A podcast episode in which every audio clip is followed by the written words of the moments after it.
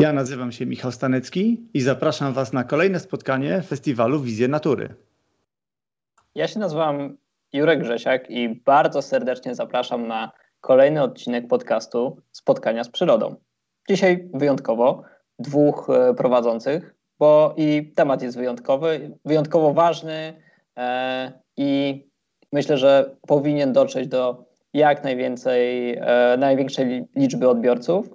E, dlatego bardzo serdecznie zapraszamy zarówno na spotkania z przyrodą, jak i na wizję natury o fotografowaniu z drona, etycznym fotografowaniu z drona. Są z nami goście. Jest z nami Adam Zbyryt, biolog, ornitolog, propagator nauki, miłośnik emocjonalnego i intelektualnego życia zwierząt, zawodowo związany z Wydziałem Biologii Uniwersytetu w Białymstoku, Adam jest autorem dwóch książek przyrodniczych: Ptaki Puszczy Białowieskiej, opowieść o mieszkańcach niezwykłego lasu i krajobraz strachu, jak stres i strach kształtują życie zwierząt. Adam też jako pierwszy w Polsce, i tu uwaga, prowadził badania ptaków z wykorzystaniem drona. Drugim gościem połączonego formatu wizji natury i spotkań z przyrodą jest Piotr Dąbrowski, przyrodnik, leśnik, e, pracownik Biebrzańskiego Parku Narodowego, gdzie zajmuje się ssakami. Za łosiem polazłby w najgorsze bagno. Myślę, że wszystkie najgorsze bagna ma już doskonale e, schodzone, e, a od e, jakiegoś czasu również e, używa drona zarówno w pracy, jak i e, do e, fotografowania. Mówisz o, o sobie, że jest typem aspołecznym, tym bardziej bardzo się cieszę, że e, jest dzisiaj z nami i również jest autorem e, książki, oczywiście o nikim innym jako Łosiu, gdzie opisał opowieści o gapiszonach z krainy Biebrzy. Cześć Piotrze. Cześć. Słuchajcie, no temat jest y, bardzo na czasie, bo dzisiaj technologia stała się po prostu łatwo dostępna.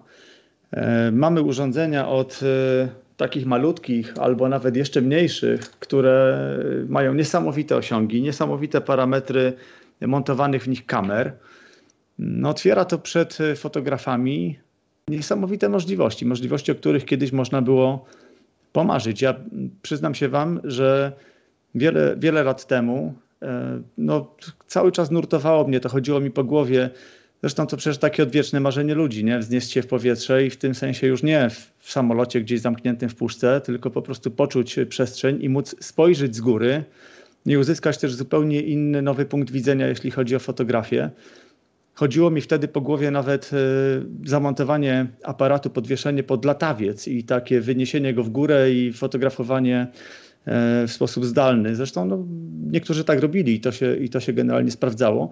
Natomiast potem Potem wjechały drony. No i wszystko się zmieniło, bo, bo po prostu ta technologia jest dzisiaj już nawet nie w plecaku, a w kieszeni. Bo to do, do tego doszło, że te, te urządzenia są małe, sprawne. No i teraz, gdy, gdy wszedłem do tego niesamowitego świata i sobie mogłem już szybować w powietrzu, to bardzo szybko zrozumiałem, że te możliwości, które się otwierają, e, niosą też ze sobą momentalnie wiele pokus no bo przecież możliwe stało się to, czego wcześniej zrobić nie można było. Można było zajrzeć tam, gdzie wcześniej nie można było dojść. Można było pokazać coś z zupełnie innej perspektywy. No i okazało się, że cóż, znowu trzeba zrobić sobie rachunek sumienia. No i odpowiedzieć na pytanie, jak mądrze posługiwać się tą technologią, jak robić to w taki sposób, żeby można było mieć czyste sumienie i powiedzieć, no okej, okay, staram się to robić tak, żeby, żebym był po prostu w tym przyzwoity. No wiem, że są przepisy, które obowiązują, ale nie zawsze te, te sprawy są jasne i klarowne. Stąd dzisiaj nasze spotkanie i no, eksperci, którzy e, no, na pewno dostaną tutaj dzisiaj serię trudnych pytań. E, Jurek, jak ty patrzysz na tą technologię, która weszła do fotografii również przyrodniczej?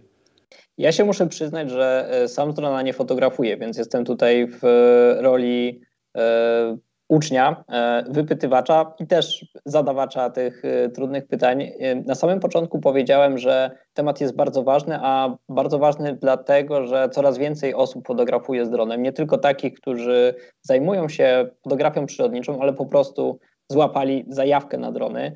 I widzimy coraz więcej sytuacji, które są wątpliwe etycznie i mogą szkodzić po prostu przyrodzie. Pamiętamy pewnie wszyscy film z takim małym niedźwiadkiem, który zsuwa się po skarpie, po jakiejś górze, który jest po prostu wystraszony dronem, który właśnie robi ten filmik e, w momencie, kiedy ten mały niedźwiedź się, się zsuwa. Widzieliśmy zdjęcia na Facebooku e, z rezerwatu Mewiałacha, gdzie dron robił fotografię fog. Bardzo fajne, bardzo ciekawe fotografie fog, ale fotografie, które tak naprawdę nie powinny powstać. Ostatnio w mediach e, czytałem mm, o takiej sytuacji, że podczas badań albo podczas fotografowania kolonii rybit w, Stanach Zjednoczonych dwa drony się zderzyły i spadły na tę kolonię i wywołały po prostu spustoszenie w e, tych, e, tych lękach. Więc z jednej strony bardzo duże możliwości, a z drugiej strony narzędzie, które może wyrządzić szkody. Dlatego uważam, że to jest bardzo ważna dyskusja. Ale zanim zaczniemy o tych szkodach, o tych e, etycznych aspektach, ja chciałem zapytać, w jaki sposób nasi goście wykorzystują dronę. Pytanie, Piotr, do Ciebie. W jaki sposób ta technologia ułatwia Twoją pracę, jak ją E, wykorzystujesz, w jaki sposób przydaje się nad wiebrzańskimi bagnami? E, znaczy to jest przede wszystkim narzędzie kontroli, e, wznosząc się nawet niekoniecznie z granicy w środku parku, ale, ale gdzieś blisko granicy mam doskonały podgląd do tych wysokości 100 metrów na wiele kilometrów wokół, co się dzieje, począwszy od zagrożenia pożarowego, skończywszy na tym, że nawet po prostu no, z tego drona widać ciągniki, które gdzieś mogą jechać z 2-3 km ode mnie. To raz.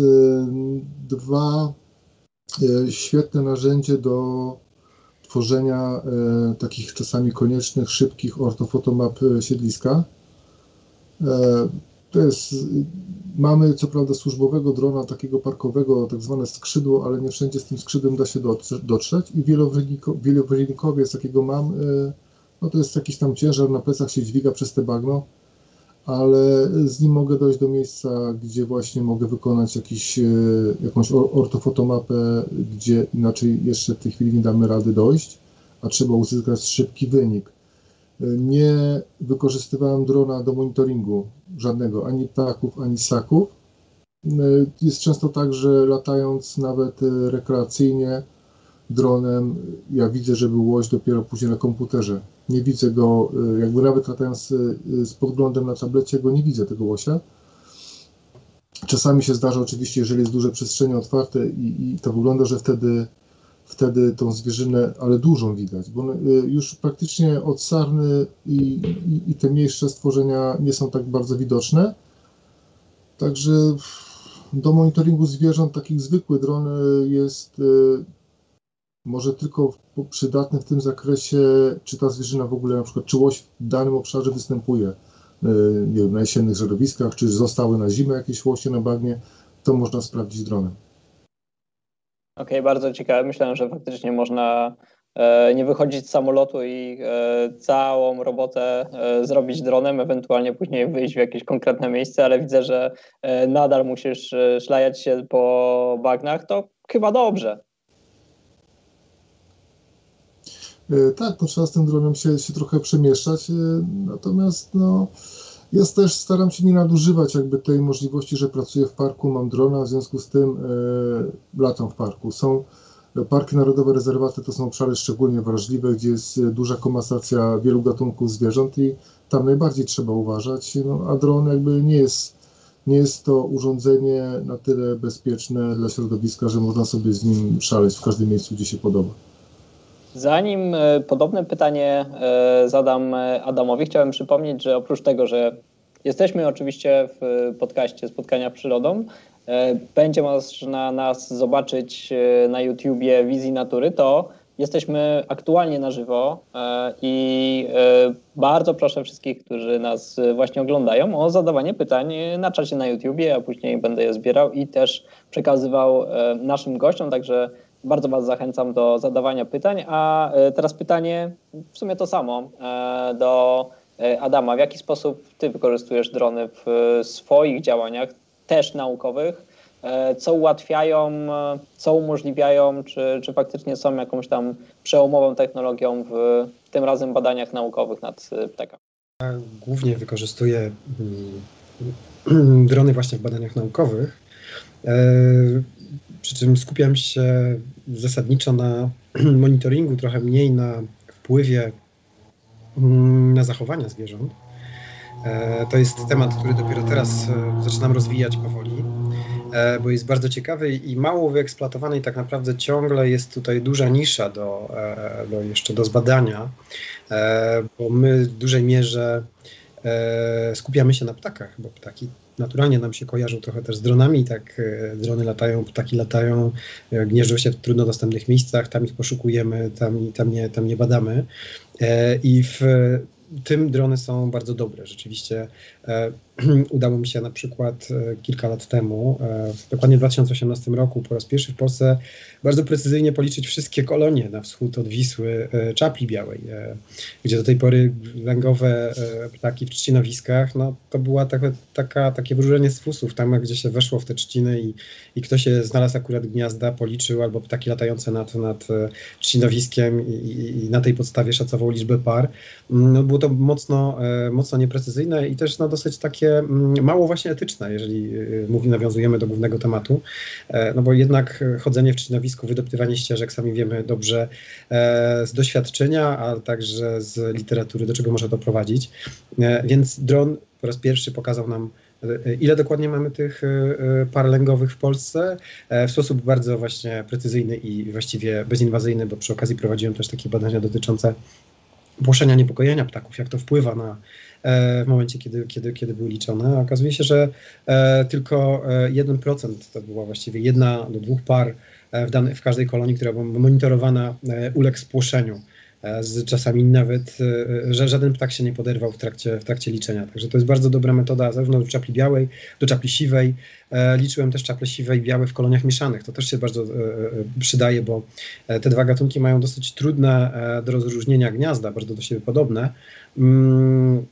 No i tutaj znowu, z góry, kiedy patrzymy na, e, na, na, właśnie taką kolonię, jesteśmy w stanie bardzo precyzyjnie wyróżnić jeden i, e, i drugi gatunek, gdzie normalnie trzeba było w, wchodzić do takiej kolonii, czy to nawet pod drzewami e, i, liczyć drzewa e, gniazdowe, liczbę gniazd na tych, z, z, gniazdami właśnie, mm, z, z czeplami, które się tam jeżdżą. No i jest to metoda długa, długa, tak, zajmująca dużo czasu, no i niestety właśnie bardzo inwazyjna, więc te drony są są takim dobrym rozwiązaniem do tego, aby te ptaki o dużych rozmiarach ciała, zasilające takie siedliska, trudno dostępne, e, były dobrze wykrywalne.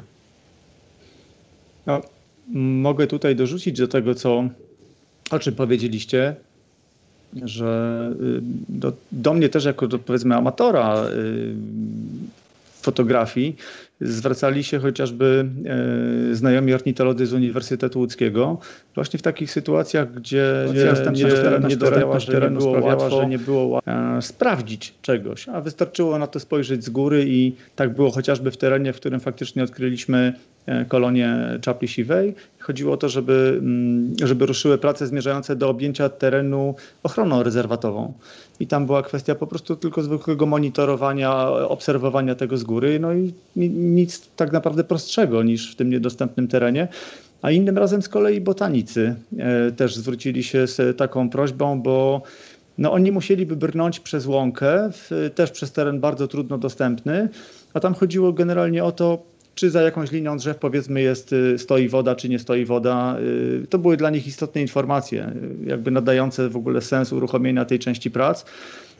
I tak proste narzędzie, jak taki mały jak taki mały helikopterek po prostu robi robotę nie? i nie muszą się ludzie przedzierać w tych trudnych warunkach. Także pod tym względem myślę, że są to maszyny nie do przecenienia. Ale to chyba dobra wiadomość. E, ptaki się nie boją, tak?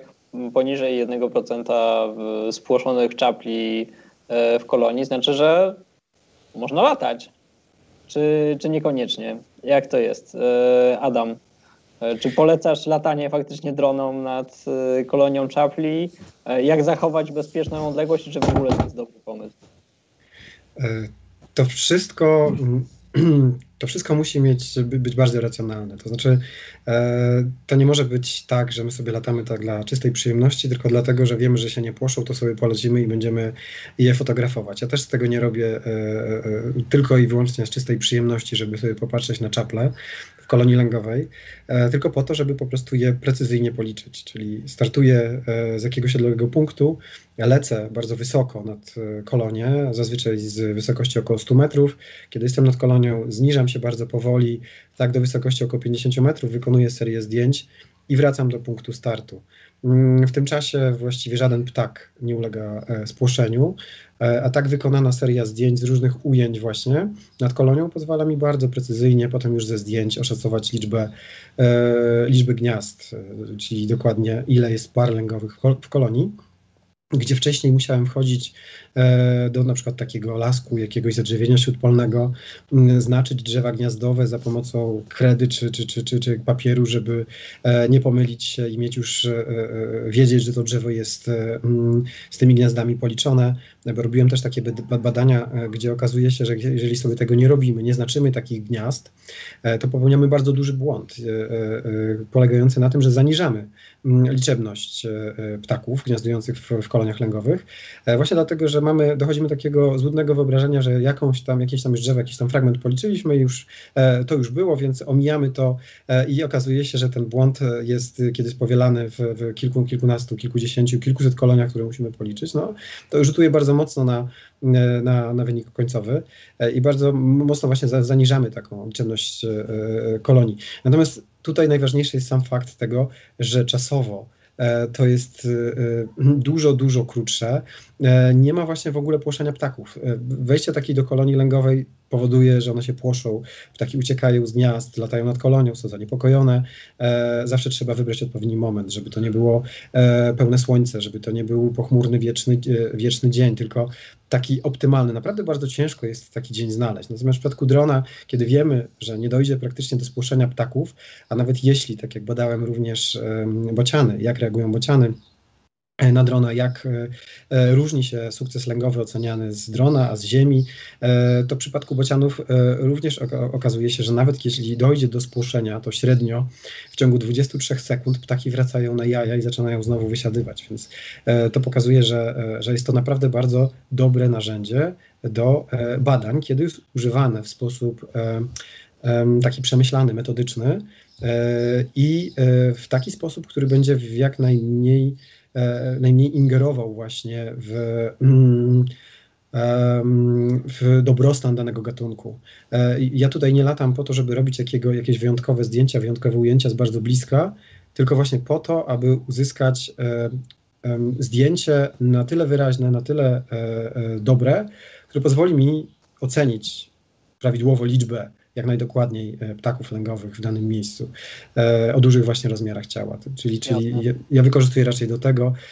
Nie próbuję tutaj robić żadnych zdjęć mm, jakichś, które miałyby trafić do, do, do magazynów jakichś, jakichś, które miałyby zachwycać z różnych ujęć, z różnym, pod różnym kątem kamery, bo to już powoduje, Ale że... Ale nie niestety... kusicie czasami? Nie, nie kusi mnie, wiesz, ja nie jestem fotografem przyrody, te zdjęcia, które robię, zawsze zrobię jakoś tak przy okazji, gdzie jestem, nawet nie mam e, lustrzanki, tylko wszystko robię takim dużym kompaktem, e, więc e, no, nie mam takiego po prostu, takiej żyłki, takiego zacięcia fotografa przyrody. E, jeśli robię te zdjęcia, bardzo zachwycam się zdjęciami, bardzo lubię zdjęcia, ja lubię podziwiać przyrodę, tak jak mówisz, z góry, z drona, e, to dało niesamowite możliwości patrzenia na świat właśnie trochę tak oczami ptaków, E, kiedy jeszcze kilka lat temu e, patrzyłem na łąkę, na której gnieżdżą się czajki, zastanawiałem się, jak ona w ogóle rozpoznaje to miejsce, gdzie jest jej gniazdo. Kiedy popatrzyłem na tą samą łąkę teraz z drona, to widzę, jak ta, jaka to jest mozaika niesamowita siedlisk. Ta, ta sama łąka, która nam się wydaje jednorodną jednorodnym właśnie takim, e, taką strukturą pokrytą, pokrytą trawami. Okazuje się, że są tam plamki, e, gdzie jest trochę więcej trawy, trochę mniej, e, są kępy i tak dalej, i tak dalej. I to wszystko doskonale widać i one to właśnie rozpoznają na tej podstawie. Doskonale są w stanie zlokalizować swoje, swoje gniazda. Także zacząłem trochę patrzeć też inaczej e, na same ptaki, kiedy, kiedy zacząłem patrzeć z ich perspektywy. myślę, że to jest bardzo ciekawy, ciekawy punkt, że faktycznie ten dron e, pomaga mniej płoszyć ptaki, jak już musimy wypłoszyć te ptaki, albo w tradycyjnych metodach byśmy je wypłoszyli. Jeżeli faktycznie mamy wyższy cel naukowy, żeby pogłębiać naszą wiedzę, e, przez to na przykład chronić te gatunki. Natomiast e, jeżeli umawiamy się, że e, nie fotografujemy czapli w koloniach i nie wchodzimy tam tylko po to, żeby mm, zrobić zdjęcia, to też nie powinniśmy prawdopodobnie latać nad tymi koloniami. Ja się zastanawiam, jak to jest ze ssakami, Piotr. To, to panowie, jeszcze pozwólcie, bo zanim przejdziemy do ssaków, bo to kolejny bardzo interesujący wątek, to jeszcze tylko małe, małe dopytanie Adama i uściślenie bo mówiliśmy o tym, mówiłeś o tym, że, że jednak z dużej wysokości te obserwacje, monitoringi i tak dalej, ale są takie sytuacje, że jednak do tego gniazda się e, trzeba zbliżyć, bo zdaje się, że taki monitoring e, bocianik gniazd wymaga tutaj chyba pracy na trochę mniejszy dystans, czy się mylę, ewentualnie mnie skoryguj. To, to zgadza się, natomiast w przypadku bocianów jest o tyle łatwiej, że one są bardzo duże, gniazda są bardzo eksponowane, więc dobrze je widać. E, ptaki żyją też blisko człowieka, więc e, są dosyć dobrze przyzwyczajone do e, szeregu różnych dziwnych urządzeń, które wokół nas przebywają, więc to też wygląda tak, że one nie są aż tak bardzo wrażliwe i nie trzeba być bardzo blisko, żeby mm, bociany, kiedy, mówimy już o ocenie produktywności, czyli te, oceniamy liczbę młodych w gnieździe, to ta wysokość faktycznie może być całkiem duża. Co innego, gdy chcemy określić inne parametry rozrodu, na przykład e, liczbę jaj albo młodych piskląt. I tu się pojawia problem, bo e, bociany w momencie, kiedy wysiadują, e, bo robiłem też takie badania na jak zachowują się bociany na różnym etapie lęgu. No i to wygląda bardzo różnie. I, tutaj faktycznie bociany nie chcą pokazać, ile mają jaj. Są bardzo mało wrażliwe na drona. Wtedy znaczy, to jest ogólna zasada dotycząca większości ptaków tak naprawdę, że w okresie lęgowym stresują się mniej. To znaczy ten um, E, poziom hormonu stresu, który jest uwalniany w momencie, kiedy, kiedy zajmują się swoimi, e, e, swoimi młodymi, jest dużo mniejszy niż w okresie pozalęgowym, także te wszystkie stresy są, można powiedzieć, trochę mniejsze, co nie znaczy, że możemy sobie pozwolić wtedy na więcej oczywiście, ale, mm, ale nawet czasami, jeżeli robimy to w ramach badań naukowych, tak jak ja oczywiście za, za zgodą odpowiednich organów, kiedy miałem też e, na to, na to zezwolenie, bo chciałem określić, ile jest jaj dokładnie, więc zbliżałem się troszeczkę niżej do tych ptaków, e, to i tak e, nawet na odległość jednego, półtora metra, bociany nie chciały, nie chciały odlatywać. Większość bocianów nie chciała w ogóle pokazać jaj, pokazać piskląt, nie chciała zejść z, z gniazda. to pokazuje właśnie, jakie są e, mocno zdeterminowane e, w, ty, w, ty, w tym okresie i, e, i bardzo dużo zależy od właśnie mm, raz gatunku, a dwa właśnie mm, etapu lęgu, czyli też nie wszędzie, nie zawsze ptaki zachowują się w ten sam sposób. Podobnie też badałem czaple, właśnie produktywnych czapli białych i wtedy też zniżałem się bardzo, znaczy dużo niżej, bo na wysokość około tak 20-15 metrów nad gniazdo w trzcinowiskach, no ale wtedy nie było ptaków dorosłych, ptaki dorosłe są bardziej płochliwe, ptaki młode, było bardzo dobrze widać. Dosłownie chwila e, nad, nad gniazdem, jedno zdjęcie, następne gniazdo, jedno zdjęcie i tak dalej, i tak dalej. Także ten wpływ też jest e, bardzo mały. E, tak starałem, sobie, starałem sobie wyobrazić, co by musiało być, jakie spustoszenie, gdybym każdego takiego gniazda chciał dojść w woderach osobiście, do takich młodych, fotografować je, liczyć i tak dalej, i tak dalej. To całe to badanie jednej kolonii, która miała około, liczyła około 40 gniazd, zajęło mi może 15 minut gdzie pewnie normalnie poświęciłbym pół dnia na to.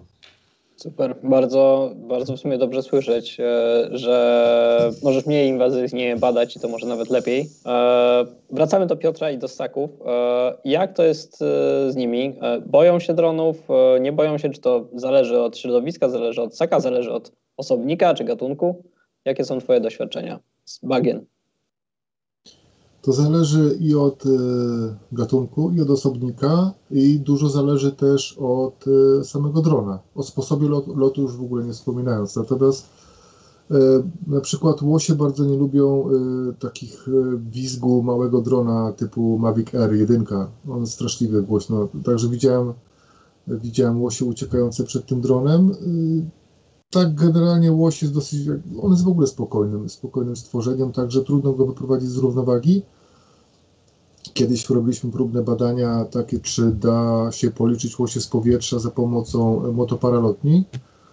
Na 100 metrach łosie w ogóle, kiedy lecieliśmy na pułapie 100 metrów, łosie się w ogóle nawet nie podnosiły i zamiast znaczy, w pierwszym przelocie na 100 metrach poleciliśmy 4 łosie, kiedy się zniżyliśmy na 40 metrów, się okazało, że łosi jest 11. Natomiast jelenie uciekają przed dronem od razu i przed tą motoparalotnią też jeszcze, jeszcze dobrze nie, nie dolecieliśmy na powierzchnię, już uciekały. E, także to zależy, zależy od ssaków. Dziki w ogóle nie reagują tak jakby z tego, co... Znaczy sam nie miałem doświadczenia z dzikami, natomiast z tego, co rozmawiałem z innymi operatorami, pilotami, to bardzo często jest tak, że po prostu e, na zagrożenie takie jakby z góry dron nie jest zagrożeniem dla dzika, jeżeli jakby o to chodzi. Dzik nie Taki... umie głowy zadrzeć do góry, wiecie. Ale to, to akurat... jakby dzik nigdy, nigdy nie był, e, nie miał jakby, nie wiem, do zagrożenia jakiegokolwiek drapieżnika z góry, także chyba, chyba może trochę i o to chodzi. Natomiast no, sarny to też nie każdy osobnik dużo jest. Co dziwne, żubry. E, żubry widziałem e, jakieś filmy z tego roku w zimę robione w okolicy chyba Krynek, gdzie ktoś przypadkiem się zatrzymał na szosie i filmował żubry. Było widać, że te żubry drony po prostu były nawet zaganiane. Jednak mimo wszystko yy, no się wydaje duży, duży, duży ssak powinien być odporny na, na tego typu działania, a jednak yy, dron, i to wcale nie największy, potrafił przepłoszyć stado. To jest e, ciekawe i e, też chyba pokazuje, że fotografować, aby fotografować w sposób, w sposób taki etyczny i taki ety, faktycznie minimalizujący jakieś szanse spłoszenia. E, po pierwsze, pewnie najlepiej w ogóle uważać ze sekami, ale, sekami, ale warto też poznać e, indywidualne zachowania. Tak? Po pierwsze, dostosować styl lotu, ale też e, E, wiedzieć, na co sobie można pozwolić z konkretnym gatunkiem i zdecydowanie nie zaganiać e, żubrów e, dronem. To, co powiedziałeś o dzikach, jest dosyć interesujące. Ja widziałem takie zdjęcia z góry, właśnie takich dziczych rodzin śpiących gdzieś w barłogach i się zastanawiałem właśnie, czy zaraz za chwilę po wykonaniu takiego zdjęcia cała rodzina gdzieś nie poszła dalej w trzciny. Dobrze słyszeć, że z, z tego, co z tego co wiesz, jest to w miarę e, bezpieczne. E, a jakie są Twoje doświadczenia z właśnie e, dronami w Parku Narodowym, Biebrzańskim Parku Narodowym? Czy okej, okay, może dla, dla łosi nie jest to duże zagrożenie, ale jelenie, tak jak mówisz, nie są specjalnie zadowolone. Czy to jest problem w parku? Y, to znaczy, to jest problem, jeżeli chodzi o działalność taką nielegalną, bo wydajemy bardzo mało zezwoleń na loty dronami i ten lot musi mieć jakiś cel. Y, na przykład Adam, Adam latał, dostał zezwolenie bez problemu, a, ale no, nie ma czegoś takiego, że ktoś, kto chce sobie polatać, par, bo park jest ładny, bo rzeka ładnie się kręci, ma dużo zakoli, to ładnie by wyglądało w wschodzie słońca, że on dostanie zezwolenie na loty dronem, raczej nie jakby samo, samo też prawo eliminuje, eliminuje takie przypadki, ponieważ e, możemy latać e, do granicy parku bez, bez oczywiście otrzymania zezwolenia, mimo że tam jest ta, ta strefa czerwona, ale jakby to, to prawo e, uściśliło dwa lata temu.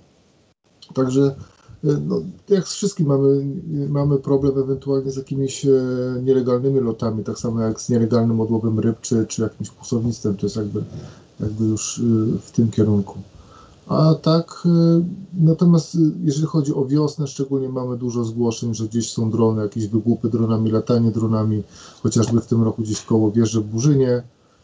E, I to, to ma na pewno wpływ szczególnie na ptaki przelotne. No latanie dronem w ogóle e, po gęsiach bardzo dobrze to widać, jaka jest reakcja zwierząt, jak, jak jest ten moment, kiedy już powinniśmy się wycofać, kiedy ta gęś nie tylko, że podnosi głowę i uważnie się przygląda, ale zaczynają, to widać w, w, stadzie, w stadzie gęsi, na przykład na ozimnach, jak już część gęsi zaczyna się odsuwać. Powolutku odchodzi, odchodzi. Y, jedna, jedna, jedna grupa, druga grupa, czyli wiadomo, że to stado już powoli zaczyna się płoszyć, już nam, nas tam nie powinno być. I jakby latanie dronem, czy, czy jakakolwiek nasza obecność, y, no, powinniśmy ją warunkować obserwacją modelu, czy to jest łoś, czy to jest jakikolwiek inny zwierz i y, dostosowywać nasze zachowanie do, do, do, do tego, jak, jak y, ten dany osobnik się zachowuje. Tak, to myślę, że bardzo ważny głos. Y, mówiłeś wcześniej o tym, że ptaki mogą dosyć dobrze się odwdzięczyć za zbyt bliskie latanie, tutaj szczególnie w jakichś koloniach, nie wiem, mewich, czy w Warszawie z kawkami. E, możesz też się podzielić tym doświadczeniem. Miałeś takie doświadczenie, że e, jakieś zwierzę ściągnęło ci drona, czy to tylko e, historie w środowisku? To są historie ze środowiska, z tego względu, że ja staram się uważać jednak, jednak dron jest, jest dosyć kosztownym narzędziem pracy i nie chciałbym go stracić tylko przez no, własną głupotę, żeby podlecieć za blisko chociażby kolonii, kolonii śmieszek, tym bardziej, że już miałem kiedyś, doświadczenia, że jakby mnie samego potrafiły śmieszki wygonić z, z niedalekiego sąsiedztwa swojej kolonii, atakując i atakując z góry i po prostu odchody się sypały na, na, na rozlewisku jak deszcz praktycznie. Także musiałem się wycofać e, i tak samo jest z dronem. Wiele dronów spada w Polsce właśnie ze względu na atakujące je ptaki, bądź to jest obrona kolonii lęgowej, bądź obrona gniazda jak wrony czy kawki. E, interesują bardzo się też jeżyki e, dronami. Nie są pewne, czy to nie jest czasami zagrożenie. Z tych obserwacji takich e, typowo gdzieś z mediów społecznościowych e, widać, że no raczej drony typu z wyglądu, typu Mavic mają gorzej. Chyba to jest z tego względu, że one jakby wyglądają, są zbliżone kształtem, barwą do krogulca bądź gołębiarza. Jest takie stalowe, stalowe i, i ta wielkość i stalowa barwa Natomiast e, latam akurat dronem białym, wielowirnikowym i, i troszeczkę jakby widzę, że to zagrożenie jest mniejsze. Także zależy jak ten dron też wygląda. No i przede wszystkim jak się zachowuje. No, ja nie polecę sobie e, nad, e, nad duże zgrupowanie ptaków, no bo ja wiem, że, że no, będę je w jakiś sposób niepokoił, więc po prostu muszę uważać i, i do takiego zgrupowania się nie zbliżać. Sam start drona od razu pokazuje, czy jakiekolwiek ptaki się zaczynają bać tego drona, jak, jak się zachowują. Po starcie pierwszy zawisam na około 15-20 metrach, rozglądam się, jak jest, e, co się dzieje wokół. Który, bo ja mogę na przykład, e, kiedy przyjeżdżam, rozstawiam, rozstawiam lądowisko, roz, e, rozkładam plecak, wyjmuję drona, instaluję wszystko, mogę jeszcze nie widzieć, jakie ptaki są gdzieś, gdzieś czy są jakieś w ogóle bliżej, bliżej mnie, bliżej tego miejsca, ale kiedy dron wystartuje, y, no część się podrywa i wtedy wiem, czy w ogóle nawet y, mogę kontynuować lot, czy nie lepiej po prostu wylądować i znaleźć sobie, znaleźć sobie inne miejsce startu. Piotr tutaj wspomniał o y, przepisach, które akurat w odniesieniu do parków narodowych są dosyć jednoznaczne i po prostu zabraniają tych lotów. I może w ogóle powinniśmy tutaj zaakcentować te kwestie przepisów, bo Powiedziałem na, na wstępie o tym, że to jest taka technologia, która stała się bardzo dostępna, jest nam bardzo bliska dzisiaj i łatwo mimo wszystko sięgnąć po takie urządzenie. Natomiast nie każdy tym y, dronem y, może latać. No, że, żeby to robić, trzeba to robić w sposób legalny. Obowiązują nas tutaj przepisy. W tej chwili są to przepisy europejskie i y, no, one są teraz już troszkę łagodniejsze niż były wcześniej, bo E, krążyły takie legendarne e, historie o tym, jak e, pilot małego kieszonkowego drona spotykał się w poczekalni u lekarza razem z pilotami odrzutowców transatlantyckich, bo, bo musieli zrobić badania lekarskie niezbędne do tego. Dzisiaj, żeby uzyskać certyfikat, który pozwala nam legalnie latać dronem, nie wiem, czy cokolwiek będzie widać, ale to jest prosta rzecz, którą można sobie wydrukować po prostu po przejściu łatwego kursu i zaliczeniu egzaminu na stronie Urzędu Lotnictwa Cywilnego. Mm, ja też w notatkach do podcastu będę linkował y, do tych stron, bo są to dosyć ciekawe rzeczy. Po prostu łatwo jest, y, te przepisy nie są aż tak skomplikowane, to jest raz, a druga sprawa, no mamy po prostu obowiązek je znać. I nie chodzi tutaj wyłącznie o względy Mm, nie wiem, etyczne, o których my tutaj rozmawiamy i tak dalej, ale o bezpieczeństwo również i o to, że jeżeli łamiemy prawo, no to możemy też spodziewać się pewnych konsekwencji z tego tytułu. E, w związku z tym, tak jak powiedziałem, zaakcentujmy, trzeba mieć uprawnienia do tego, żeby latać dronem. Dzisiaj jest je naprawdę łatwo zrobić. Jak ktoś powiedział, ośmiolatek, godzinę czasu y, posadzony przy komputerze, E, przyswoi wiedzę i, i przeklika sobie ten egzamin w formie testu online. To wszystko jest bezpłatne. Ja tutaj mówię o tej najprostszej formie oczywiście, ale myślę, że w, dużej, w dużym pewnie procencie droniarzy, którzy używają tych urządzeń do takiego właśnie powiedziałbym rekreacyjnego fotografowania będzie to wystarczające.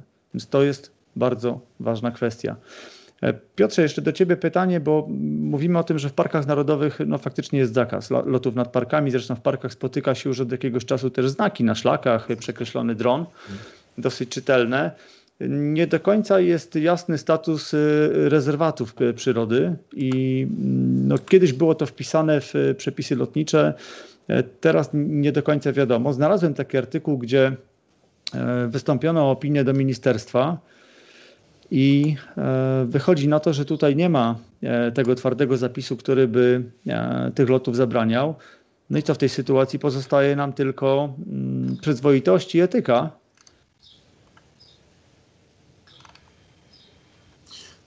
No tak, chociaż mi się wydaje, że któryś z RDOŚów odpisał, że, raczej, że tyczy to się także rezerwatów, jakby z racji, z racji występującej tam ochrony, ale nie jestem, nie jestem pewien. Natomiast no, no po prostu nad obszarami takimi chronionymi nie powinno się latać.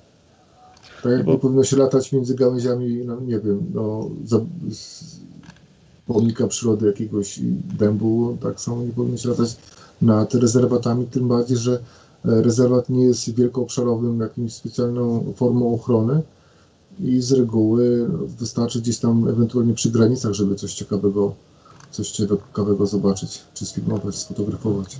I w zasadzie chodzi już o, samo, e, o samą potencjalną możliwość płoszenia, bo to tak, tak trzeba to ująć, prawda? To kiedy występuje się do RDOŚ-u o zgodę na czy wejście, czy fotografowanie na terenie rezerwatu, no to pojawia się w tym zezwoleniu taki zapis o tym, że jest to zezwolenie również na płoszenie. No tak to niestety wygląda.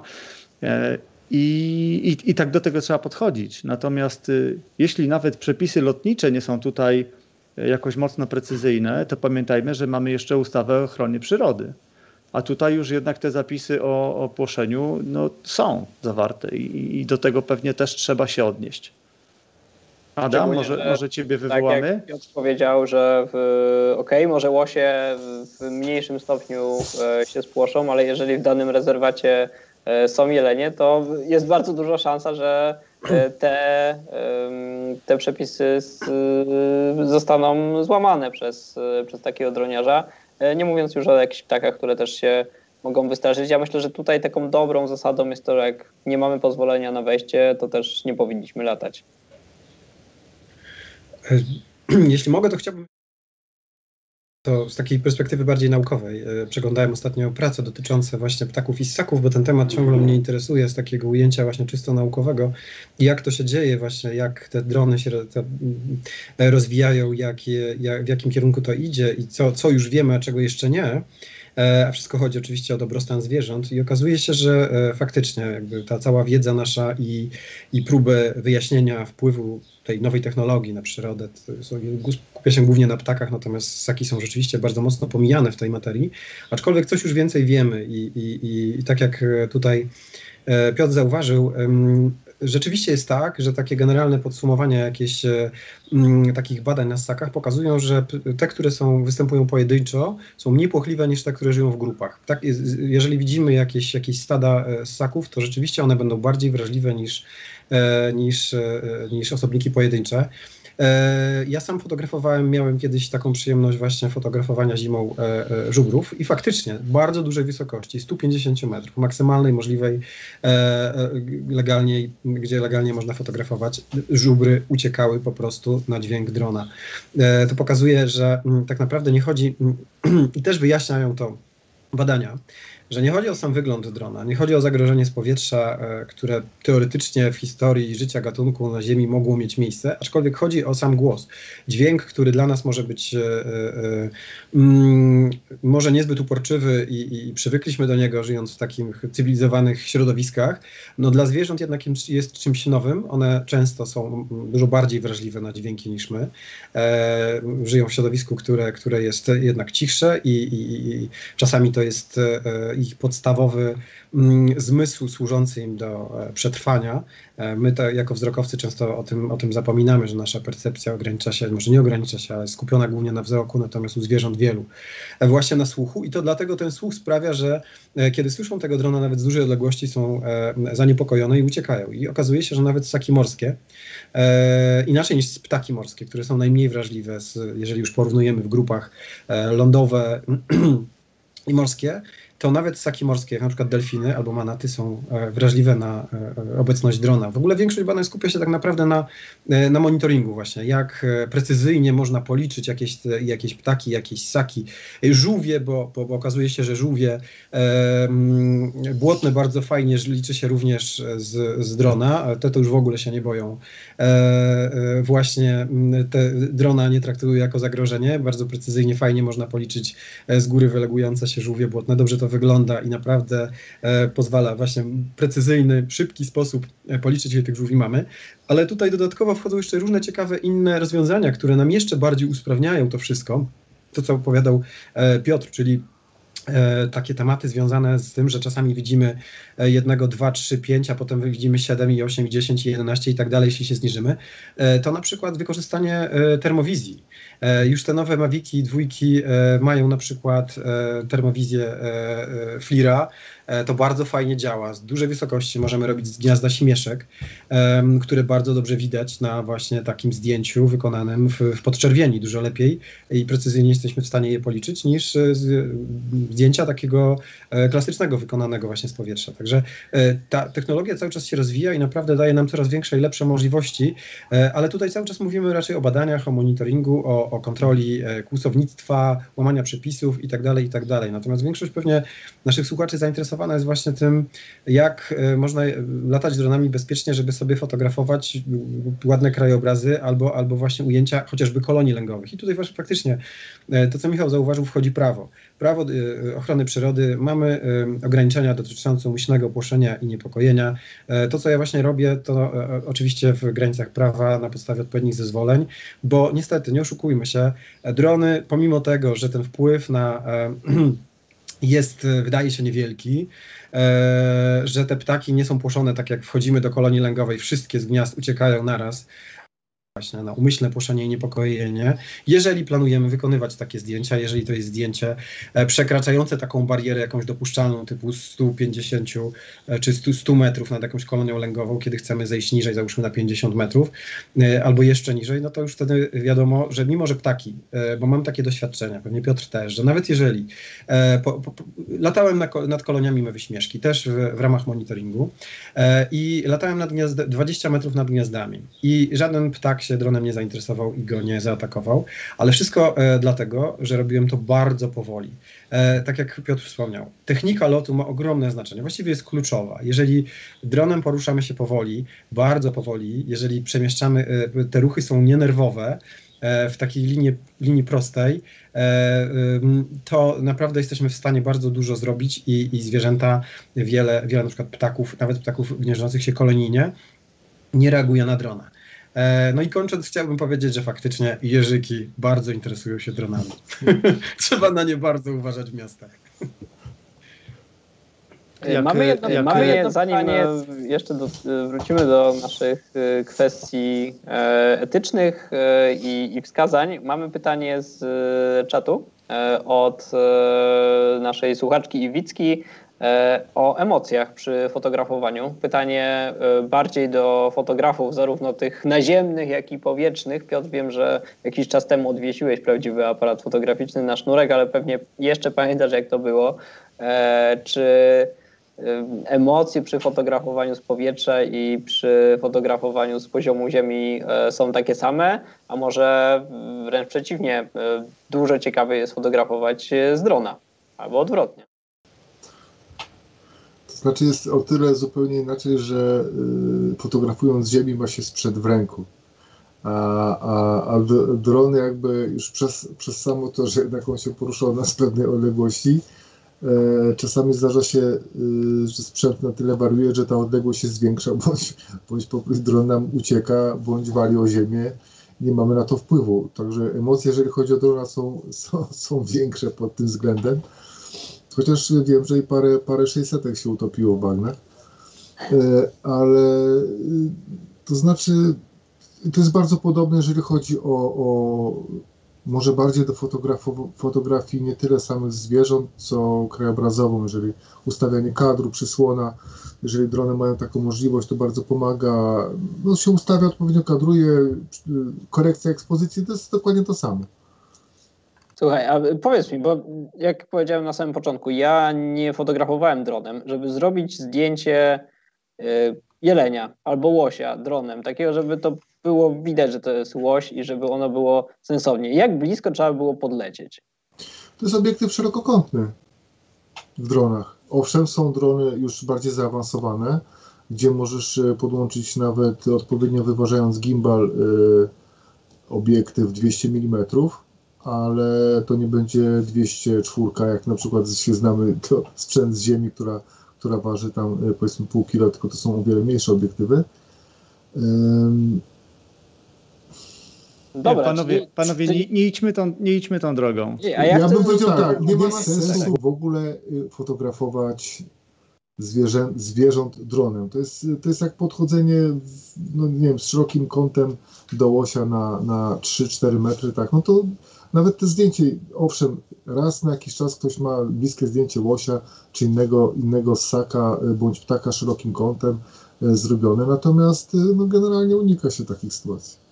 Właśnie o to, o to mi chodziło, bo wiesz, w naszej dyskusji gdzieś tutaj padło, że no dobra, 100 metrów nad kolonią to niespecjalnie cokolwiek się poderwie, łosie 100 metrów to nawet na motolotni nie zwracają uwagi, ale jeżeli to faktycznie jest obiektyw szerokokątny i musielibyśmy podlecieć nawet kilkanaście metrów do takiego ssaka, no to to jest faktycznie bez sensu, bez znaczenia, czy to jest dron, czy to jest podchód pieszo, tak? Po prostu tego się nie robi, bo na pewno to zwierzę będzie zaniepokojone, więc tutaj ja myślę, że to warto, żeby wybrzmiało, że fotografowanie faktycznie z bliska e, ssaków, a i pewnie ptaków z drona jest y, etycznie bardzo wątpliwe, jeżeli w ogóle nie powinno być e, gdzieś tam zabronione.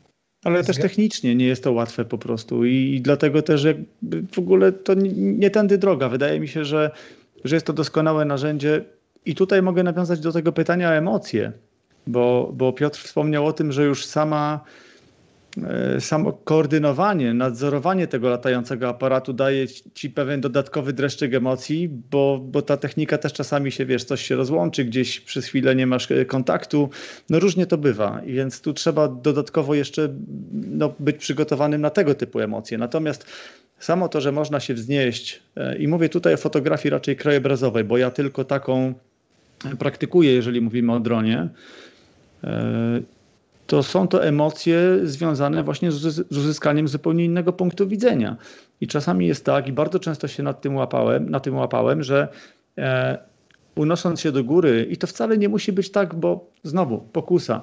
Ktoś, kto zaczyna, chciałby od razu polecieć na 100 metrów, 150. My teraz zgodnie z przepisami możemy do 120 tymi dronami sobie latać, powiedziałbym w miarę bezkarnie. Natomiast to nie jest tak, że zawsze trzeba by polecieć na maksa do góry, żeby mieć dobry obraz. Czasami zmiana perspektywy o 20 metrów daje już niesamowite ujęcie. A emocje dochodzą wtedy, kiedy jesteśmy w miejscu, które nawet doskonale znamy, ale z, perspektywy Ziemi, a widząc je z góry, no jeszcze w takich warunkach, jak to, za jakimi ganiają fotografowie, czyli powiedzmy jakiś świt, miękkie światło, czasami mgła, albo jakieś nisko zawieszone chmury. I to, to gdzieś z góry zaczyna zupełnie inaczej grać. I wtedy te emocje dochodzą takie, które się gdzieś tam rozlewają po sercu, że, że ta okolica jest po prostu odmieniona i, i zyskujemy po prostu taki dodatkowy wymiar. To jest w tym na pewno bardzo, bardzo fajnym akcentem w całej tej zabawie. I, na, I, o tym też warto mówić, że, że można po prostu od takiej czysto estetycznej strony no, doskonale się tym bawić i naprawdę czerpać z tego super frajdę. Ja bardzo długo latając dronem, robiąc zdjęcia krajobrazowe, nie latałem w ogóle w poziomie. Mnie po prostu wystarczało wznieść się do góry, dosłownie nad, nad głowę. I wtedy też odpadały mi te obawy, że jak ten dron mi gdzieś tam sfiksuje, to będę go chodził i szukał po, po łąkach, stawach czy, czy innych bagnach.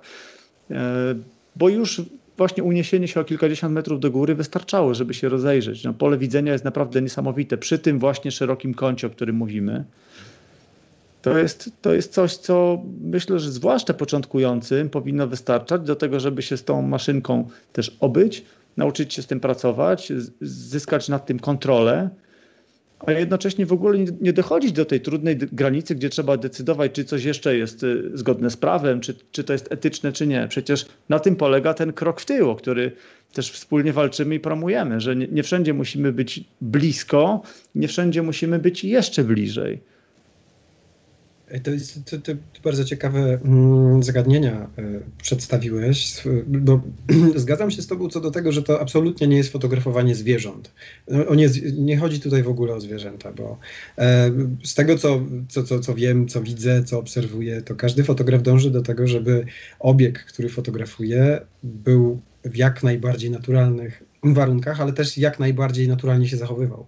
Czyli absolutnie wszyscy dążą do tego, żeby być po prostu niewidzialny pod każdym względem, żeby to zwierzę zachowywało się w jak najbardziej naturalny sposób. To jest czysta idea, ale w praktyce, wiesz, różnie bywa. No jasne, ale do tego dążymy. Natomiast e, tak jak wspomniałem, sam fakt tego, że dron jest głośny, łatwo wykrywalny przez wszystkie zwierzęta, e, całkowicie go dyskwalifikuje z tego, że będziemy mieli zwierzęta, które zachowują się w naturalny sposób. Więc to jest to, co powiedziałeś. To jest po prostu e, pozwala nam spojrzeć trochę z innej perspektywy na ten świat zwierząt, na świat ptaków, na, na ich siedliska.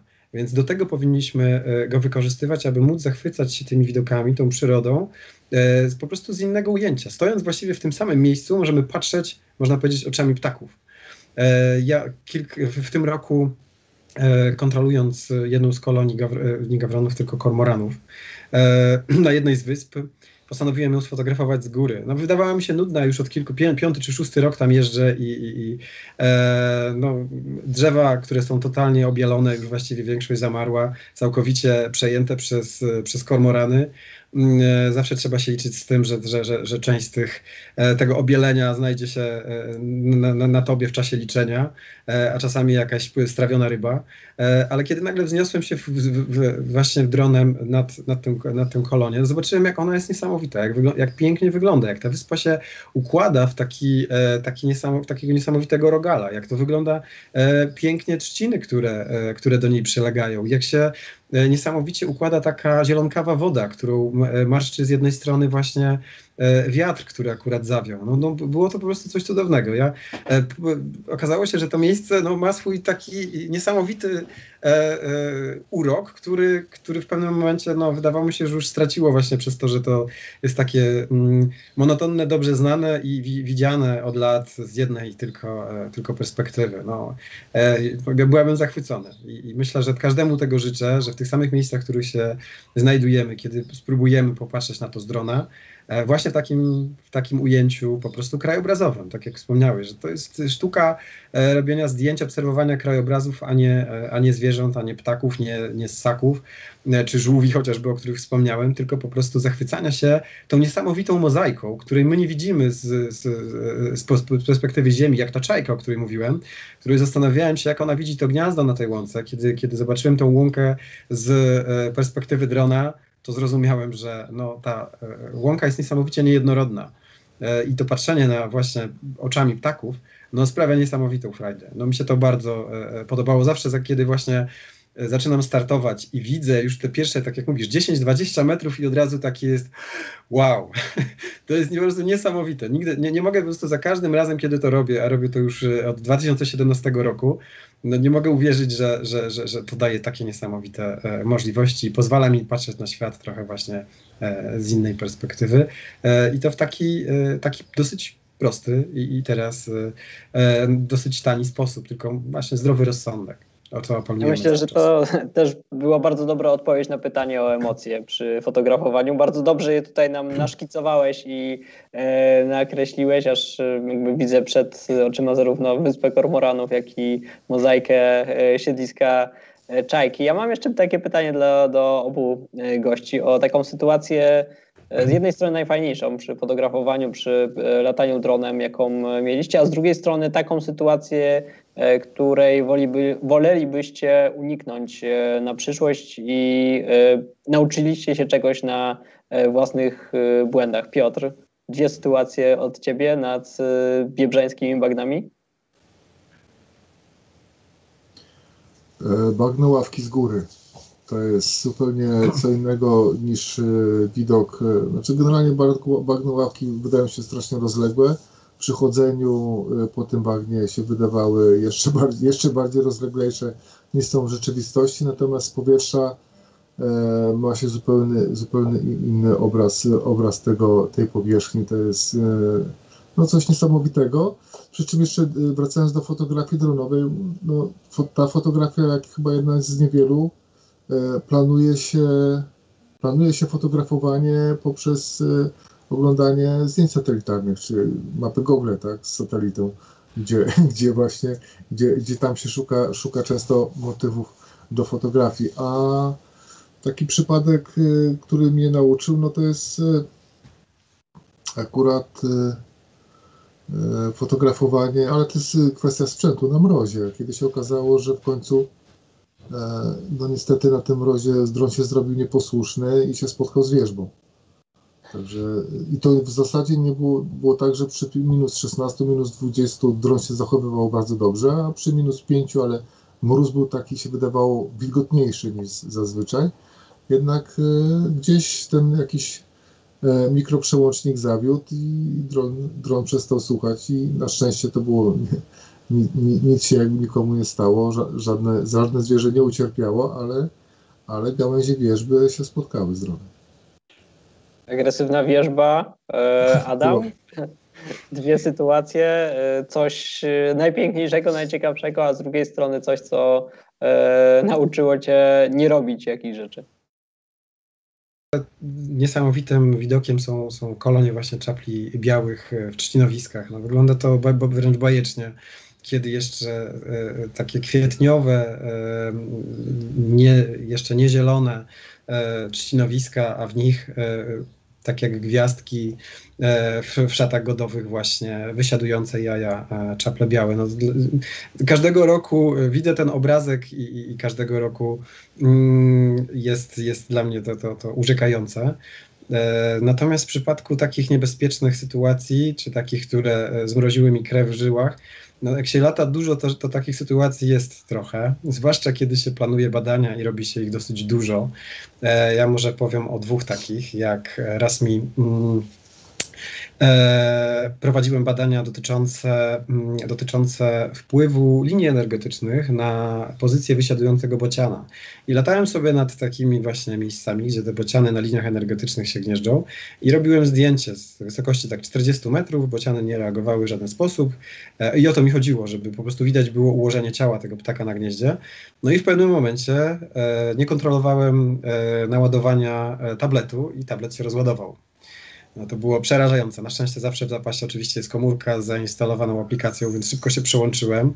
E, no i udało się tego e, mm, drona sprowadzić na ziemię, ale to mnie nauczyło, że zawsze po prostu sprawdzaj nie tylko drona, nie tylko kontroler, ale też i, i tablet bardzo uważnie, bo w momencie, kiedy ma się e, do odwiedzenia w ciągu jednego dnia kilkanaście, kilkadziesiąt gniazd, to można o tym zapomnieć, a, a nie powinno się. To jedna taka rzecz, a druga, kiedy, kiedy właśnie fotografowałem mm, czaple białe na e, rozlewiskach Biebrzy, e, właśnie za zgodą parku, na, na, na, właściwie na prośbę parku, jeszcze kiedy park nie miał swojego drona, mm, w okolicach Łojawice, zaczęła kończyć mi się bateria. I czułem, że, że, że, że ten dron może nie dolecieć. No, no, no to było takie mm, bardzo emocjonujące, czy mu się uda wrócić, czy nie, tym bardziej, że dosyć mocno wiało. I to był właśnie główny problem, że był, że był, że był wiatr czołowy taki, który e, sprawił, że bardzo fajnie się leciało w jedną stronę, natomiast gorzej było wrócić. Na szczęście wszystko dobrze się skończyło, ale to też nauczyło mnie, że zawsze trzeba zwracać uwagę na wiatr. E, chciałbym powiedzieć jeszcze o takiej kwestii, bo mówimy tutaj o o wykorzystaniu do, y, do pracy y, zawodowej, do, do pracy naukowej, e, o fotografowaniu takim bardzo ideowym, czystym, jak mówimy, krajobrazowym, że, że nie ma potrzeby tutaj ganiać tych y, ssaków, bo i tak nic z tego nie wyjdzie najczęściej. Ale też myślę, że powinniśmy na chwilę zatrzymać się przy takim, może nie do końca świadomym, początkującym droniarzu, który no, po prostu rozpoczyna swoją zabawę z tą, z tą maszynką. I cóż, może pokuśmy się w sumie o takie króciutkie podsumowanie, żeby nie powiedzieć 10 przykazań na, na start, bo, bo, bo tu cały czas się zazębiamy z tym, od czego zaczęliśmy, że, że tego dzisiaj jest po prostu coraz więcej. E, w sensie ta technologia jest bliska i, i, i dzisiaj to już nie jest nic nadzwyczajnego spotkać kogoś na szlaku, kto wyciąga z plecaka czy z kieszeni wręcz drona i posyła go do góry. E, ja wypisałem sobie kilka punktów i Mm, może coś po prostu do tego dorzucicie i, i sklecimy z tego właśnie takie, takie 10 e, przykazań. Więc zdobądź wymagane uprawnienia. Myślę, że od tego bym zaczął, e, no bo tutaj trzeba po prostu, jak to się ładnie mówi, być w prawie. Zapoznaj się z prawem lotniczym i zapoznaj się z ustawą o ochronie przyrody i jej nie trzeba wertować całej, bo to jest dosłownie kilka punktów, które nas interesują. Zresztą przytoczonych tutaj przez Adama, między innymi o tym, o tym właśnie świadomym płoszeniu, między innymi. E, jeżeli chcesz e, latać w miejscach, które wymagają takich zezwoleń, to je po prostu zdobywaj. Występuj o te zezwolenia. Mm, pomijam to, czy jest to łatwo, czy trudno, ale nie rezygnuj. Jeżeli masz e, jakąś misję, masz dobry cel, to prawdopodobnie ktoś spojrzy na to również przychylnie. Nie lataj w miejscach lęgów i nie lataj w ostojach zwierząt. No właśnie dlatego bulwersowaliśmy się zdjęciami z Mewiej Łachy, bo nie trzeba być przyrodnikiem przez duże P, żeby wiedzieć, że jest to, jest to ostoja fok i one tam po prostu sobie e, odpoczywają, więc e, takie naloty dla efektownych e, zdjęć, bo trzeba przyznać, że te zdjęcia, tak jak powiedział Jurek, one były naprawdę bajeranckie, natomiast no, wiemy, gdzie zostały zrobione i w jaki sposób. Mm, krótkim podsumowaniem będzie też chyba po prostu bądź przyzwoity, latasz dronem, lataj odpowiedzialnie. Dorzućcie coś do tego od siebie i będziemy mieli fajną pigułkę nie? Na, na deser. To ja może uszczegółowię to, co powiedziałeś częściowo. Y, to znaczy, jeżeli chodzi o to prawo, to ustawa ochrony przyrody. Proste rzeczy. Artykuł 15, tam są do, przepisy dotyczące parków narodowych i rezerwatów przyrody i artykuł 51, y, drugi, przepraszam, tam są e, przepisy dotyczące e, gatunków chronionych. Czyli tak naprawdę, tak jak powiedziałeś, nie ma tego wiele, warto się z tym zapoznać. E, prawo lotnicze, tak samo nie ma tego dużo. Zdobądźmy uprawnienia. To naprawdę dużo nas też nauczy, jak robić to prawidłowo. Ja bym dorzucił jedną, jeden aspekt. Nie fotografujmy zwierząt, bo to nie jest fotografia do, do, do, do zdjęć zwierząt nie do tego ona została stworzona i do tego się absolutnie nie nadaje. Powiedziałeś o fotografowaniu w miejscach lęgów. E, ja chciał to uszczegółowić, bo lęgi w większości, w sezonie lęgowym praktycznie są wszędzie, więc chciałem powiedzieć, że w miejscach koncentracji lęgów, ptaków, czyli kolonie lęgowe, w miejscach, gdzie rzeczywiście są szczególnie wrażliwe, jak rezerwaty przyrody czy parki narodowe, czyli tam, gdzie faktycznie ptaki mają swoje ostoje, tam nie fotografujmy wtedy, odpuśćmy sobie to, nawet jeśli e, będziemy starali się o takie zezwolenie, tego po prostu nie dostaniemy, więc nie róbmy tego, bo to nie ma żadnego sensu, a nie łamy prawa. E, to jest e, kolejna rzecz. No i właśnie tak jak powiedziałeś, zdrowy rozsądek, czyli no, róbmy tak, żeby nie zaszkodzić po pierwsze zwierzęta, nie zaszkodzić im, żeby byśmy dbali o ich e, dobrostan, a mm, nawet jeżeli nie czujemy tego, jeżeli nawet tego e, nie, nie jesteśmy empatyczni, wrażliwi na takie rzeczy, chociaż większość e, wśród ludzi, którzy takimi rzeczami się zajmują, jest, myślę, że 99%, ale zawsze znajdzie się ten 1%, który no, może robi to dlatego, że po prostu dla jakiegoś fanu, sławy i tak dalej, mm, to niech wie o tym, że może się narazić na hejt, bo jest dużo ludzi, którzy po prostu mu to wytkną, a nikt tego nie chce. Więc uważajmy na to też. Choć niech to będzie tym czerwonym światłem, które sprawi, że po prostu e, odpuści i powinien odpuścić e, takie, e, takie zachowania. Piotr, e, dorzucisz coś dodatkowego, a może coś z tych zasad e, chciałbyś szczególnie wyróżnić? No to znaczy, to fajnie jest teraz, że są te kursy, znaczy kursy, ale jest taki wymóg odbycia podstawowego chociaż szkolenia, to jest super sprawa e, samo, samo właśnie ogarnięcie jakby samego drona wymaga y, no, na tyle dużej czujności i uwagi. Do tego dodałbym, że po starcie trzeba no, tą uwagę skierować też na otoczenie, co się dzieje w koło. Żeby to nie było takie latanie nawet y, w miejscach, gdzie y, teoretycznie wydaje nam się, że jesteśmy nie stawimy zagrożenia, nie płoszymy, może się okazać, że jest zupełnie inaczej, no bo nie jesteśmy w stanie ogarnąć wzrokiem od razu wszystkich miejsc gniazdujących ptaków w koło, czy czy, czy, czy, czy jakichś, jakichś ssaków, może się wydawać, że kawałek trzcin blisko wioski jest to po prostu kawałek trzcin, który można sobie z góry zrobić, bo przez to przepływa jakiś fajny ciek, a tam będziemy mieli bąka, będziemy mieli błotniaka stawowego i gęś bięgawą. Jak jest na przykład tutaj koło mnie, także no, obserwujmy przyrodę w koło i nie starajmy, starajmy się jej nie szkodzić. Super. Ja myślę, że też e, można dodać to, co e, Adam wcześniej e, powiedział o samej technice lotu. Tak? Nie tylko, żeby mieć zezwolenia i wiedzieć, jak latać, żeby się nie rozbić, ale też robić to spokojnie, powoli wtedy też mamy nawet mniejsze szanse, żeby wypłoszyć coś, czego na początek nie zauważymy. Tak jak Piotr powiedział, że wszędzie, w każdej trzcinowiskach może być tej bioróżnorodności ptaków, ssaków bardzo dużo i zachowajmy ostrożność i też znajomość gatunku. Tak? To na tak. pewno zawsze jest bardzo istotne. Bardzo cenna uwaga. W całości się podpisuję pod tym, że rzeczywiście technika lotu ma e, kluczowe znaczenie. Słuchajcie, jeszcze przypomniała mi się jedna rzecz dosyć istotna i też o niej krótko wspomnę. Otóż, e, jeżeli jesteśmy w strefie e, przygranicznej, to też obowiązują nas pewne ograniczenia, a czasami wręcz wyłączenia. Jest to może o tyle ważne, że powiedzmy cała nasza ściana wschodnia, jeżeli mówimy o naszym kraju, jest super atrakcyjna przyrodniczo. I ja zetknąłem się z tym chyba pierwszy raz, będąc w lasach sobiborskich, gdzie czy to jest się nad Bugiem, czy jest się po prostu w lesie, bardzo często zahaczamy już o tą, o tę strefę yy, graniczną. I yy, działa to tak, że yy, Straż Graniczna jest przychylna. Wystarczy zdobyć numer do y, dyżurnego, i to jest zwykle numer całodobowy i z własnego doświadczenia wiem, że wyglądało to tak, że po prostu mówiłem, jestem fotografem, chciałbym tutaj wznieść się na dosłownie 30-40 metrów, sfotografować sobie to i to i to. I, jak to fajnie, to trochę była rozmowa jak z wieżą z kontrolą lotów. Y, po prostu mówił, masz, masz pozwolenie na start. Czyli uwiniesz się na przykład w 15 minut, masz pozwolenie na start. Oni muszą o tym wiedzieć, oni muszą nam na to pozwolić.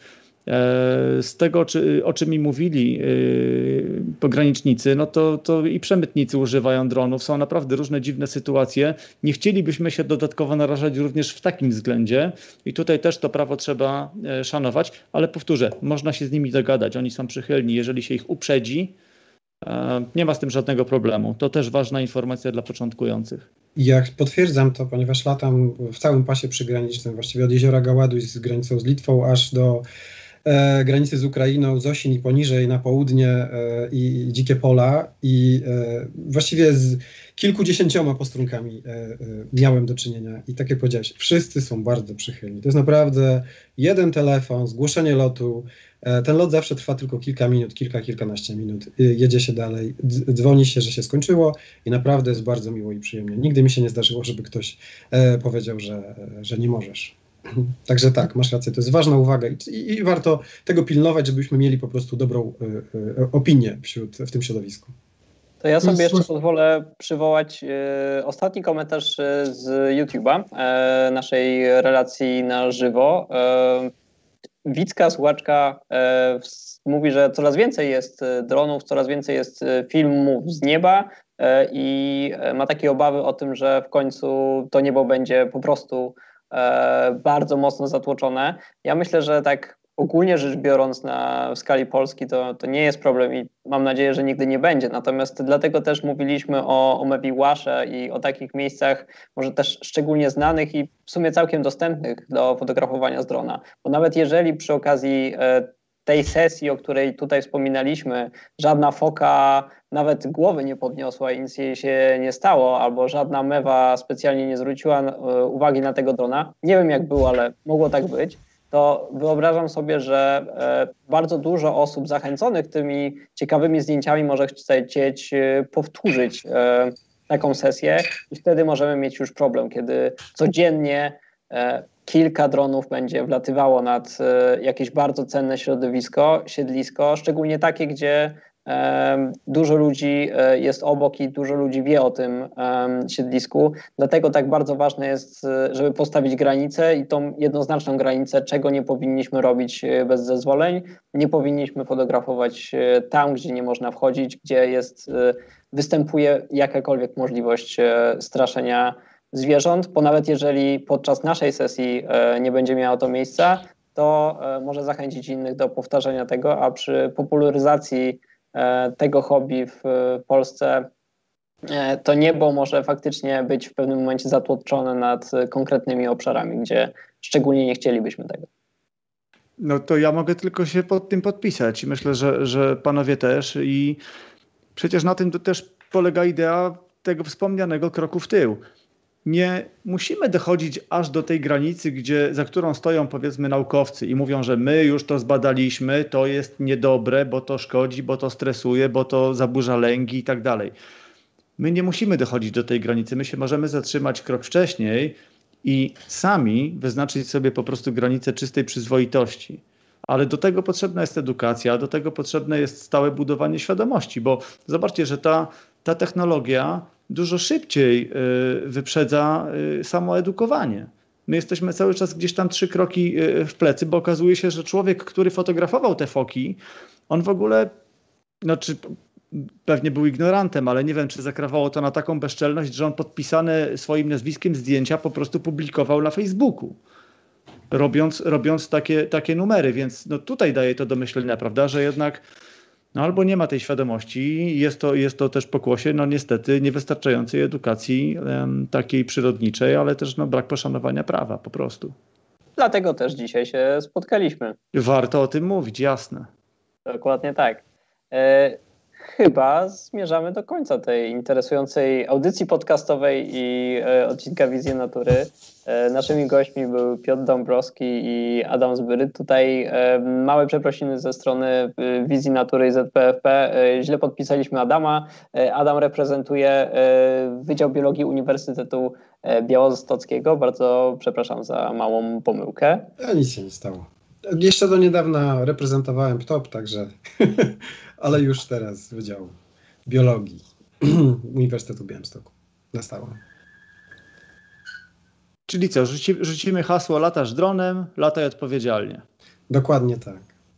I pamiętaj zawsze dobrostanie zwierząt.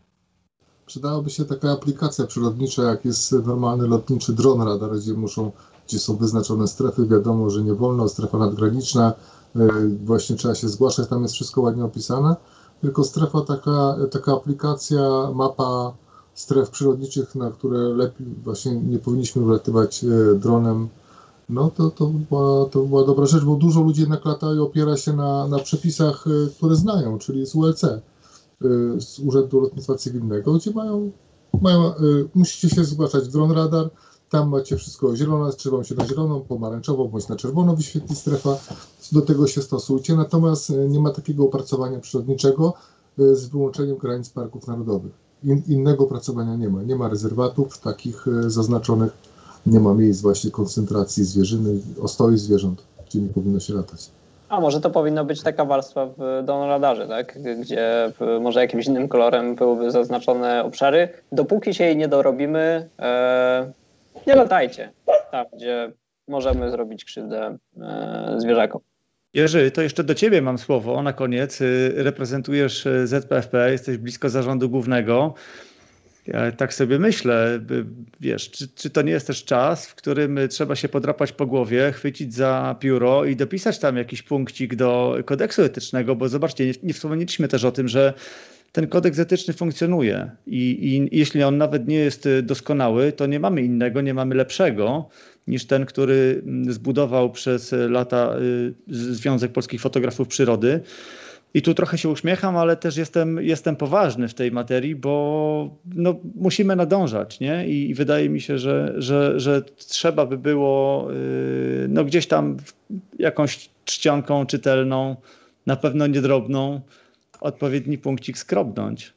Absolutnie, może e, nie chwytam za pióro e, już w tej chwili, natomiast e, zdecydowanie, zresztą dzisiejszy odcinek Wizji Natury nie bez kozery jest poświęcony etycznemu fotografowaniu z drona, bo myślę, że to jest właśnie bardzo dobry start do tej dyskusji, żeby włączyć takie zapisy do kodeksu etycznego ZPFP i też rozpocząć akcję informacyjną, bo jestem przekonany, że wiele tych zdarzeń, o których y, nie chcielibyśmy słyszeć, wynika z braku wiedzy, a nie ze złej woli. Złej woli. Ja też Dokładnie, wielokrotnie po prostu mówiłem e, operatorom dronów, że dane miejsce jest rezerwatem albo jest gdzieś tam kolonia e, ptaków niedaleko, żeby po prostu wycofali swoją maszynę i e, zawsze spotykałem się ze zrozumieniem i jakaś tam zła sytuacja wynikała z niewiedzy, także na pewno będziemy o tym mówić. Myślę, że takie zapisy też powinny się pojawić w dokumentach, ale przede wszystkim musimy edukować.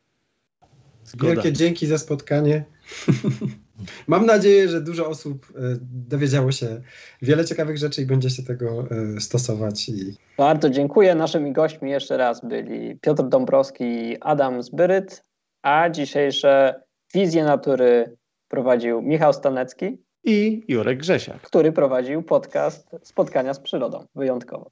Do usłyszenia, do zobaczenia.